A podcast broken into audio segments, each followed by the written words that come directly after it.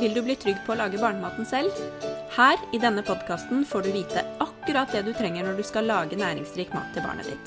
Fra fast føde til middager for hele familien.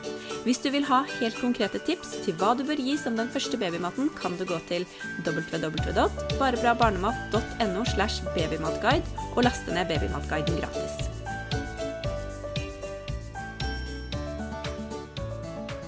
Føler du at du må forsvare deg når du velger å amme lenger enn spedbarnstiden? Det gjorde jeg, og jeg vet at mange av dere også kan kjenne seg igjen i dette. I dag så har jeg med meg Thea, ernæringsrådgiver i Barbara barnemat. Og vi skal dele våre erfaringer, utfordringer og kunnskap om amming, slik at du står trygt i valget om hvor lenge akkurat du ønsker å amme barnet ditt. Før jeg fikk barn, så hadde jeg jo ikke sett for meg at jeg kom til å amme såpass lenge. Hva med deg, Thea? Nei, jeg hadde ikke det, jeg heller. Jeg hadde en formening om at jeg ønsket å amme. Det var utgangspunktet mitt før jeg fødte førstemann. Men um, deretter så ble det til at jeg ammet litt lenger enn det jeg hadde tenkt til i utgangspunktet. Og jeg tror det er litt sånn alle tenker, at uh, når du får barn, og barnet liksom er baby, så vokser jo barnet med deg. Og du tenker liksom ikke om Oi, ble barnet plutselig to år, og så ammer jeg fortsatt? Ikke sant? Jeg opplevde det samme. At uh, jeg så på han fortsatt som min lille baby ganske lenge, mens andre som som meg og han fra utsiden tenkte at oi, nå er han stor, han har jo begynt med fast føde, han har begynt å gå, han klarer å finne frem til puppen selv og si med ord da, han, at han ville ha pupp, f.eks. Og at noen syns også at det kan være litt ubehagelig. Men uh, ja, det er som du sier, det vokste på en måte Vi vokste litt sånn sammen. Og jeg følte jo fortsatt at han hadde lyst på pupp, behov for pupp, eh, og ikke minst så opplevde jeg at det var en veldig hyggelig stund sammen. Og så hadde jeg all den kunnskapen om hvor næringsrik morsmelk er. Så når det var er fortsatt en hyggelig stund for oss begge to, så valgte jeg å fortsette ganske lenge. Mm. Ja, jeg tenker jo at eh, for, min del i hvert fall, så når jeg endelig fikk til den ammingen, fordi det er jo liksom ikke gitt, så var det kjempekoselig, og jeg bare hadde lyst til å bare amme for alltid, følte jeg. Og når hun, datteren min ble tre, så slutta jeg. Da tenker jeg liksom at da var det nok for meg. Men jeg er sikker på at hun hadde ammet i liksom fem-seks år. Det noen da vil kalle liksom Det tre år vil jo noen kalle langtidsamming. Mm. Og det syns jeg er litt sånn interessant, fordi hva er egentlig langtidsamming? Kan vi bruke det ordet? Er det liksom et ord som er greit? Eller er det bare amming? Jeg syns at vi bare skal kalle det amming. Jeg er helt enig. At vi skal normalisere det. At det er eh, like normalt og akseptert å amme fire måneder, eller om du velger å ikke amme i det hele tatt. Hvis man av ulike grunner ikke, ikke gjør det. Eh, eller om man velger å amme til barnet blir ett, to, tre år, eller enda lenger. Mm. Jeg er helt enig. Amming er bare amming. Da har vi avklart det. Ja. ja nei, men fordi det er jo sånn Man ser ofte Altså, jeg skrev jo en artikkel i, som ble publisert i VG om dette her, om eh, langtidsamming, som det da ble, ikke sant eh, Hva skal vi si Klassifisert som. Og jeg fikk jo så mange stygge kommentarer i kommentarfeltet, og hun eh, journalisten som hadde hatt eh, Altså som ba meg liksom skrive den artikkelen, da, eller publiserte den artikkelen, hun spurte liksom bare 'Stine, går det bra med deg?' Mm. Altså folk, folk liksom de har sin Jeg tror at det er veldig lett når man Da er vi tilbake til det her med når man selv ammer sitt barn, eller kanskje ikke har barn, så har man kanskje én tanke om at ok, men når barnet er ett år eller to år eller tre år, så er liksom barnet for stort til å ammes. Og så kommer man i den situasjonen selv, og så bare endrer alt seg. Mm. Akkurat det. Og det er jo et, um, altså noe som treffer en veldig personlig, det om man ammer eller ikke. Og det er kanskje fort gjort også å føle på hvilke valg man selv har tatt, da, og om de er riktig eller galt, når man hører om andre som gjør noe som kanskje er så veldig forskjellig fra det man selv har gjort. Men jeg tenker jo at her må vi bare prøve å normalisere alt, og at vi eh, gjør alle det beste vi kan for barna våre. Og at eh, amming er eh, noe som vi også trenger fortsatt å prøve å normalisere. Da. For det er jo mange også som kan føle seg litt støtt når de ser at noen ammer barn som er litt over spedbarnsalderen. ikke sant? Man kan tenke at pupp er noe som hører hjemme når på en måte barnet bare blir lagt i puppen da, og mm. hva skal man si, ikke har noe valg. Ja. Eh, mens at når barnet blir litt større, så blir det unormalt. Men mm. eh, det tenker jeg at vi må normalisere. Ja, absolutt. For det er jo ikke, det er jo ikke én fasit. Én ting er på en måte anbefalingene og hvordan de er, og en annen ting er hva som er riktig for meg og mitt barn, og deg og ditt barn. Mm. Og apropos dette med liksom, amming og normalisering. For meg nå med nummer to så er det helt naturlig for meg å amme på kafé og amme altså hvor som helst. Jeg setter meg bare ned og ammer, og jeg føler egentlig at jeg får bare sånne hyggelige smil. Men det følte jeg ikke med første. Og nå tenker jeg kanskje sånn Kanskje det var litt min usikkerhet som gjorde at jeg følte på at eh, Og som gjorde også at jeg kanskje fikk disse kommentarene. Fra venninner og fra bekjente. Ja, det kan jo hende at du har blitt tryggere i valgene dine. Ja. Og så kan vi også håpe på at samfunnet rundt også har endret seg litt da, i den retningen at det er mer eh, akseptert. For det blir jo også snakket mer og høyere om det, hvor viktig og, eh, det er at vi normaliserer eh, amming. Mm. Ja, det er mange som heldigvis eh, er for at man skal amme så lenge som man har lyst til selv, da, og barnet har lyst til. Som, Det er rett og slett det som passer for seg. Jeg vet jo, hun, Er det hun Funky Gine som eh, ammer treåringen sin? Husker du, Har du sett det? Ja, den Ja. treningsvideoen. Ja, det er kjempefint. Så det er, liksom, det er mange som eh, er med på den eh, normaliseringen. Jeg tenker at sånn som du sier òg, altså alt må jo være normalt. Ja. Vi kan ikke, sette, kan ikke sette små barn og oss eh, mammaer inn i en boks, og så skal vi passe inn i den boksen. Det er ikke sånn det fungerer. Og så kan vi jo nevne anbefalingen, da, som er det at man Helsedirektoratet anbefaler jo at man ammer ikke sant, til fullammer til seks måneder hvis mor og barn trives med det, og gjerne helt frem til ett år. Men så er det nettopp det. Det er en anbefaling. ikke sant? Så det er jo også viktig å huske på at det er ikke sånn at man må gjøre det. Det er en anbefaling. Mange tenker kanskje ikke på hva det ordet betyr, men i det så ligger det jo nettopp at man skal tilpasse hva som passer eh, mor, partner, familien og ikke minst barnet. Ja. Kjempeviktig. Og da kom jeg på en ting, fordi når vi startet Bare bra barnemat, så eh, fikk jeg jo melding av en mamma som var litt sånn Hun hadde fått anbefalt å slutte å amme når barnet var ett år, fordi da skulle barnet over på kumelk. Og hun var litt sånn Hva er Altså, må, jeg, må barnet mitt få kumelk å drikke? Da kjente jeg at jeg bare åh, Da blir man litt oppgitt. Fordi det gjør jo spesielt kanskje førstegangsforeldre. Jeg var i hvert fall mye mer usikker som førstegangsforelder. Det kan kanskje du kjenne deg igjen i òg. Alt er nytt. Og så skal man få et råd om å gå fra å amme og over på kumelk. Mange ganger så tror jeg um, man kan tenke at melk er melk, ikke sant? At vi har det ordet for det. Men uh, det er jo veldig stor forskjell på sammensetningen av morsmelk og av kumelk, da. Så kumelk er jo kalvenes eh, drikk, og ikke på en måte nødvendigvis vår drikk, selv om det kan godt inngå i et næringsrikt kosthold. Men kumelk har jo f.eks. et veldig mye høyere proteininnhold, og det er jo derfor morsmelkerstatning som er basert på kumelk, den blir jo proteinredusert, ikke sant? for å ligne litt mer på eh, morsmelken. Eh, og man må ikke inkludere kumelk i kosten for å ha et næringsrikt kosthold. Man kan dekke det på andre måter. Så det er et valg man må ta selv. Men jeg syns det er litt synd at det ofte blir sammenlignet da, på den måten det gjør. Fordi det er ikke like De har ikke akkurat de samme komponentene. Nei, Og det er så viktig å få frem, fordi det tenker man ikke over. Man tenker ikke over at en kalv som faktisk skal Hva da? Skal de gå rett etter fødsel? Mens vårt barn bruker et helt år på å lære seg å gå. Mm. De trenger litt andre næringsstoffer. Ja, og, og det at det er tre ganger mer protein i kumelk, og at selv om da, som du sa, ikke sant, morsmelkerstatningen basert på kumelk, men den er ikke det samme som kumelk allikevel.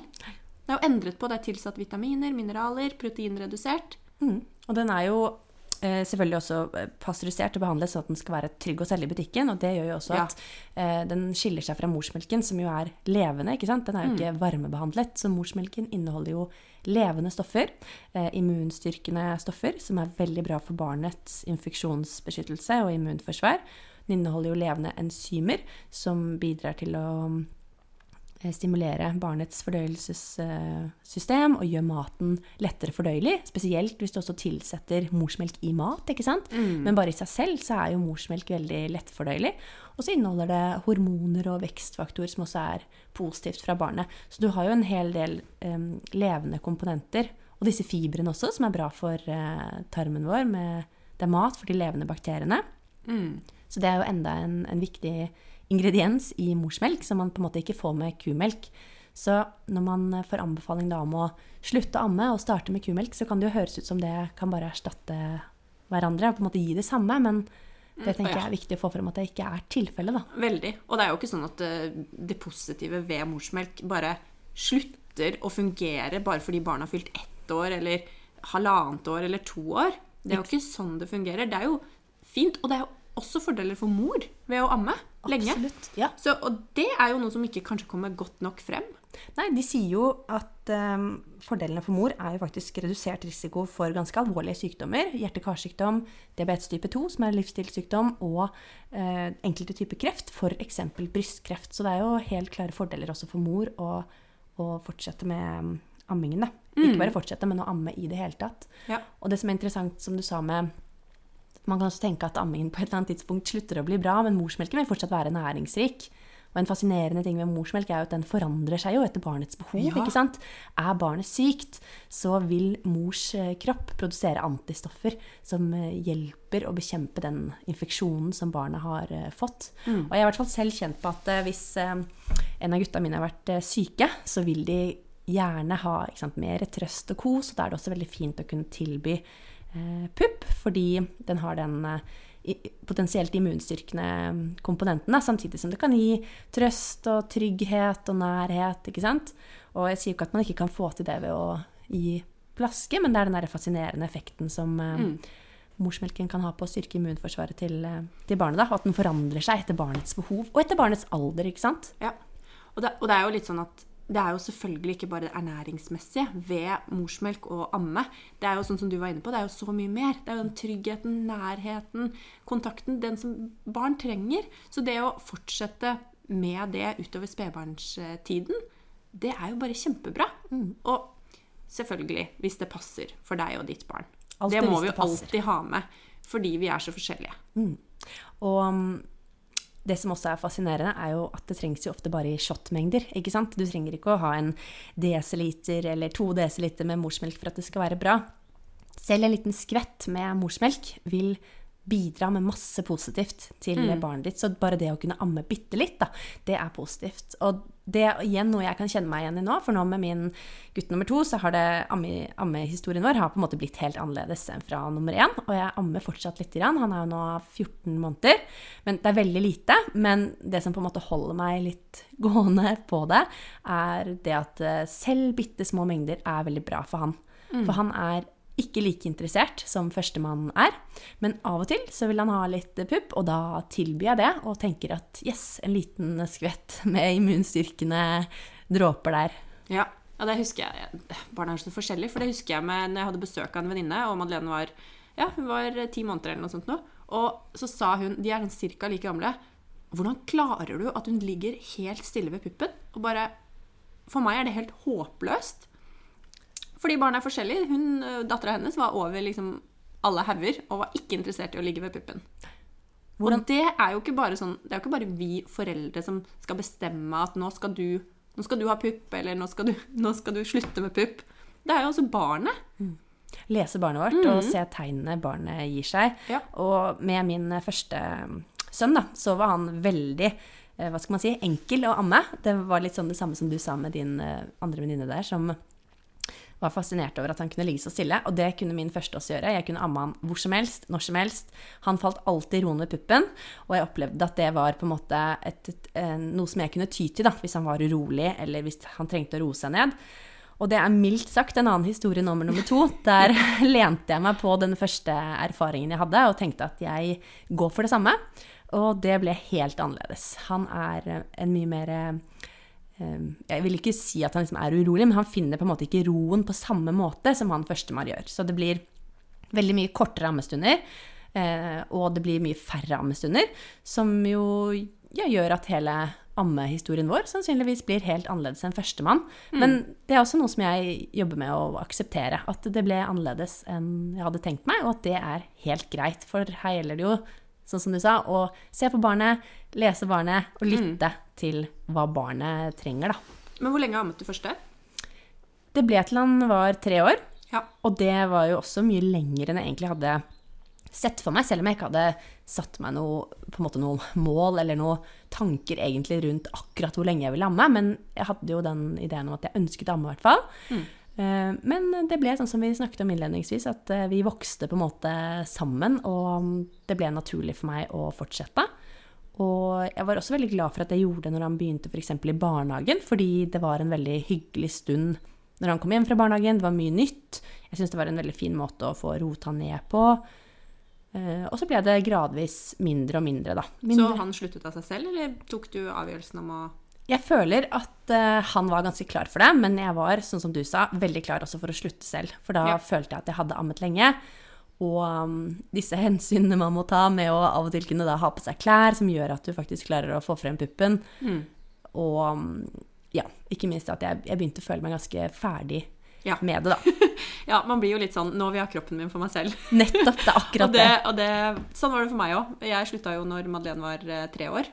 Og den sommeren, før hun ble tre år, så var det liksom når vi var på stranda, så dro hun liksom bare bikinitoppen til side og liksom skulle ha pupp. Og jeg kjente at jeg bare Og da kan man jo snakke med dem. Så det er sånn Nå må du vente. Ja. Men det blir jo veldig sånn slitsomt. Liksom skal Hvis barnet er liksom sånn som hun var, da, veldig puppeglad, så jeg følte meg veldig ferdig med det. Og det var en eh, Ja, det var jo et valg fra min side. Og jeg er sikker på at hun liksom hadde amma frem til skole, skolealder hvis hun hadde fått muligheten. Ikke sant? Men uh, ja. Da, da er det greit å på et eller annet tidspunkt kanskje bestemme seg, og så stå litt i det, for å være konsekvent også Ja. overfor for barna. Fordi de kan jo også føle på en sånn slags skuffelse hvis de Ja. liksom blir avvist med at de innimellom får, eller kanskje innimellom ikke får. Så klarer kanskje ikke helt de å forstå eh, hvorfor får jeg nå, men hvorfor får jeg ikke Mm. Ja. senere i dag. ikke Ja, sant? Så da er det kanskje lettere å ja, gå litt sånn cold turkey og si at nå er det slutt. Og da, sånn som du sier, det hjelper jo når man også kan prøve å forklare de og Ja. snakke med de, da. Mm.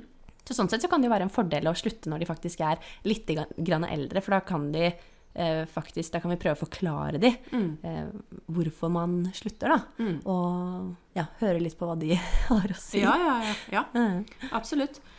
Og jeg tenker jo um, eh, på det her med utfordringene man kanskje sitter Vi var litt inne på det, men det er jo utfordrende å føle at man kanskje ammer lenger enn alle andre gjør. Og jeg ammer så lenge. Og jeg tror at vi føler på det fordi at det er ingen som Man ser veldig få, i hvert fall når jeg går på senteret eller er ute, så ser jeg veldig få som ammer større barn. Du ser liksom nyfødte barn. 'Å, der sitter hun og ammer, så koselig', ikke sant? Mm. Men større barn, de ammes hjemme. Ja, det kan hende. Og da kanskje det er mange som faktisk kjenner på en sånn type skam da, rundt det å amme større barn. Men det kan jo også være praktiske Ja. grunner, sånn som at Og at man også ammer mindre ikke sant, når de er større. Ikke sant? Så det er ikke like ofte at du ser det, og de barna er jo liksom i bag- barnehagen på dagtid, så du Mm. vil på en måte ikke observere det like ofte, da. Men um, jeg tenker jo at eh, tre veldig gode fordeler er jo at eh, ammingen er jo liksom veldig praktisk, ikke sant? At Mm. det er veldig greit når de er mindre, og så når de blir større, så uh, spiser de jo mer vanlig mat, sånn at da tilbyr man jo kanskje oftere det, og først det, før man eventuelt tilbyr litt pupp, da. Mm. Og så syns jeg det er fint å få frem at det også er uh, et rimelig og miljøvennlig også Ja. måte å gi dem mat på. ikke sant? Ja. Tenk at vi kan produsere mat som barna våre vokser ja, eh, og trives på. Det er helt fantastisk. Ja. Men ja, så det, det er egentlig bare vi tilbake til med det der med ammingen, er jo det at det, jeg får jo så mye meldinger av Hver gang jeg snakker om amming, og f.eks. viser et bilde av at jeg fortsatt ammer, nå er Krisander halvannet, over halvannet, eh, så er det noen som Jeg får tilbakemelding på det at eh, de føler på at andre foreldre føler på mammaer. føler på det her med liksom Å, jeg er langtidsammer. Som vi da selvfølgelig bare skal si. ah, Det heter ikke langtidsamming, det er amming.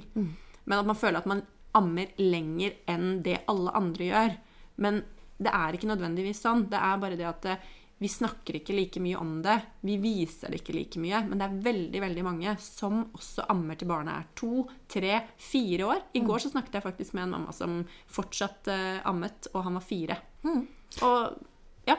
Stå i eh, dine egne mm, valg Yes. basert på hva du og barnet ditt trenger. Det er jo et av våre beste råd. Mm. Og det er ingen andre som har noe med hva du velger å gjøre med ammingen. Så når noen andre velger å kommentere på det, så må man prøve å tenke på at you do you, og og Ja. I do me. At man tar sine egne valg, og at eh, man gjør det fordi man mener det er det beste for sitt barn. Da. Det er jo ingen andre som egentlig har noe med det å Det Å det. gjøre. Det er ingen andre som har noe med dine valg å gjøre. Du vet best for ditt barn. Mm. Jeg tror vi bare må tenke det. Ja, det, og det er vel det vi ønsker å formidle her også. Mm. At uh, vi ønsker å gi dere som lytter, trygghet i at du velger riktig for ditt barn. Og at det er gunstig å også amme etter eh, småbarnsalder, da. Ja, det er greit, det er normalt. Det er ikke noe som er eh, normalt eller unormalt når det kommer til amming og hvor lenge eller hvor kort man ønsker å amme. Det er anbefalinger også som man kan se på, og så må man også se på sitt eget barn og hva man ønsker selv, ikke minst. Hva tenker du med din og Chris Anders amreise nå? Har du gjort deg noen tanker om eh, hvor lenge du vil fortsette nå? Han er jo skikkelig sånn der puppegutt, han òg. Sånn som eh, datteren min var. Ja, vet du hva, vi får bare Jeg tenker sånn veien blir litt til mens man går. Hvis jeg liksom kjenner at jeg ikke får sove på nettene når han eh, om et års tid, og han fortsatt liksom henger like mye i puppen, så får jeg tenke at jeg gradvis må liksom trappe ned for mitt eget ve og vel. som også går utover barna, ikke sant? Så her må man bare ta litt sånn Ja. Det er vanskelig å sette en sånn eh, dato på det. Ja. Eller sånn eh, alder. Liksom når han blir to, når han blir tre. Det blir bare sånn tar det etter hvert. Men jeg ser ikke for meg at jeg kommer til å liksom amme han lenger enn jeg gjorde med Madeleine. Lenger enn tre år. Vi får følge våre egne råd og Ja. ta det som det kommer. Og Men- men hvem vet? Ja, hvem vet? Plutselig så ammer jeg til han er fire, liksom. Det, Mm. det Ja. Men jeg kjenner på det samme selv, som du nevnte nå, med natten. For eh, jeg også har kommet til et eh, punkt for ikke så veldig lenge siden da, hvor jeg også sluttet å amme på natten.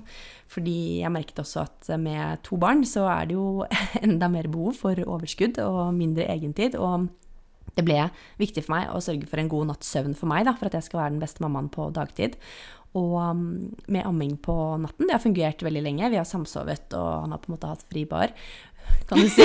Fri ja. Ja. Men uh, nå var jeg på en måte klar for å kutte ut det. Uh, selv om det, det betød for meg at det ble veldig mye mindre amming, for jeg har egentlig ammet han liksom mest på natten da, de siste månedene, fordi at han har vært um, ja, opptatt av helt andre ting og veldig sulten på vanlig mat på dagtid. Mm.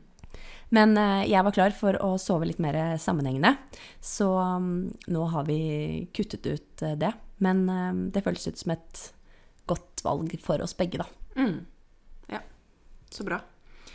En ting på tampen før vi runder av, tenker jeg er Mange lurer på det her med ikke sant? Når barnet har begynt med fast føde og ammer og kanskje har eh, gått over til å spise ganske mye mat, men så plutselig Du var litt inne på det i stad, Thea. Jeg tenkte at dette må vi få med, for dette lurer veldig mange på. Så går barnet plutselig tilbake til å bare amme. Og så tenker man Oi, hva skjer? Barnet får ikke i seg det det trenger gjennom mat. Her er det jo eh, viktig å huske på én, morsmelk er jo som vi sa fortsatt næringsrikt. ikke sant? To, eh, det er veldig vanlig at det går i faser, og en veldig vanlig grunn til at eh, barn som eh, starter med fast føde, plutselig vegrer seg litt for det, er jo tannfrembrudd. Ikke sant? Plutselig så er det noen tenner som skal frem, og det gjør vondt i gommene, og de er veldig såre. Og da vil de gjerne helst eh, ha pupp eller melk som er på en måte lett og ja, lett for de å spise, men også at de sannsynligvis forbinder det med litt sånn trøst og Mm, ikke sant, kos og nærhet og sånn, Mm. fordi de har vondt, da. Mm. Så mm, der gjelder det å igjen se på barnet, tilby melk, og så hvis man eh, har klart å kanskje spotte ut noen ting som barnet liker, da, så er det kanskje det man skal servere i den perioden. Hvis det er eh, noe de eh, du vet at de liker, så ville jeg kanskje fokusert på å servere det. Og kanskje du kan prøve å berike det. F.eks. hvis de liker bananlapper, kanskje du kan klare å lure inn en ekstra grønnsak, eller litt nøttemel, eller noe annet som på en måte beriker den matvaren, som gjør at den blir rikere på flere av de ulike næringsstoffene. Og så er det jo et supertips med smoothie. Mm. En tykk, god, næringsrik smoothie som er lett for de å eh, drikke eller spise, da. Og så er det jo ofte en kort periode. Det er jo ofte en sånn ukes tid, kanskje. Jeg merker jo, sånn som du sier, tenner. Det har jeg merket hver eneste gang. I hvert fall med datteren min. Hver gang hun fikk en tann, så var det bare ligge ved puppen. Og når hun var syk. Sant? Litt sånn ekstra snørrete, ville kanskje ikke ha noe mat. Og bare tenke at det går fint, de kommer til å spise mat igjen. De skal faktisk spise resten av livet. Vi trenger ikke å stresse med det.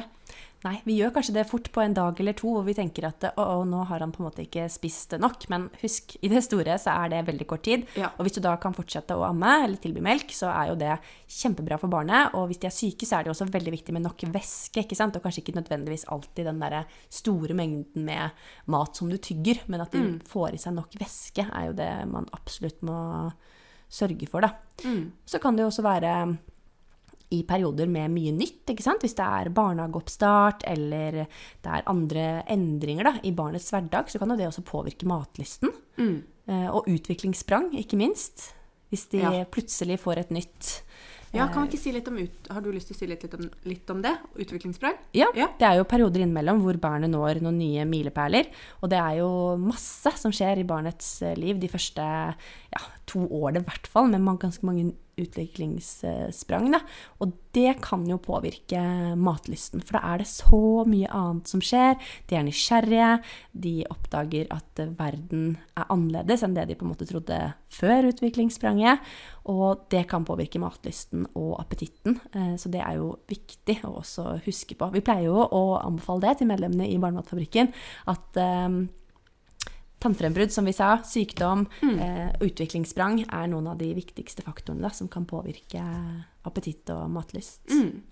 Kjempebra. Skal vi ta en oppsummering av det viktigste vi har eh, vært igjennom i den episoden her? Jeg tror liksom sånn overordna så er det amming.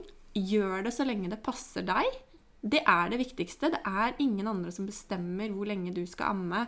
Bare stå trygt i deg selv, og tenk at den avgjørelsen du tar, er det beste for akkurat deg og ditt barn. Ja, morsmelk er fortsatt næringsrikt, selv om barnet er spedbarn, eller om det har kommet forbi spedbarnsstadiet og har begynt i barnehage og begynt å gå og begynt å snakke. Supert. Hvis du skal i gang med fast føde, så kan du laste ned Babymatguiden gratis. Der får du tips til hvordan du kan komme i gang med fast føde, og også hvilke oppskrifter du kan eh, lage. Den finner du på barebrabarnemat.no slash babymatguide. Takk for i dag, Thea. Takk for i dag!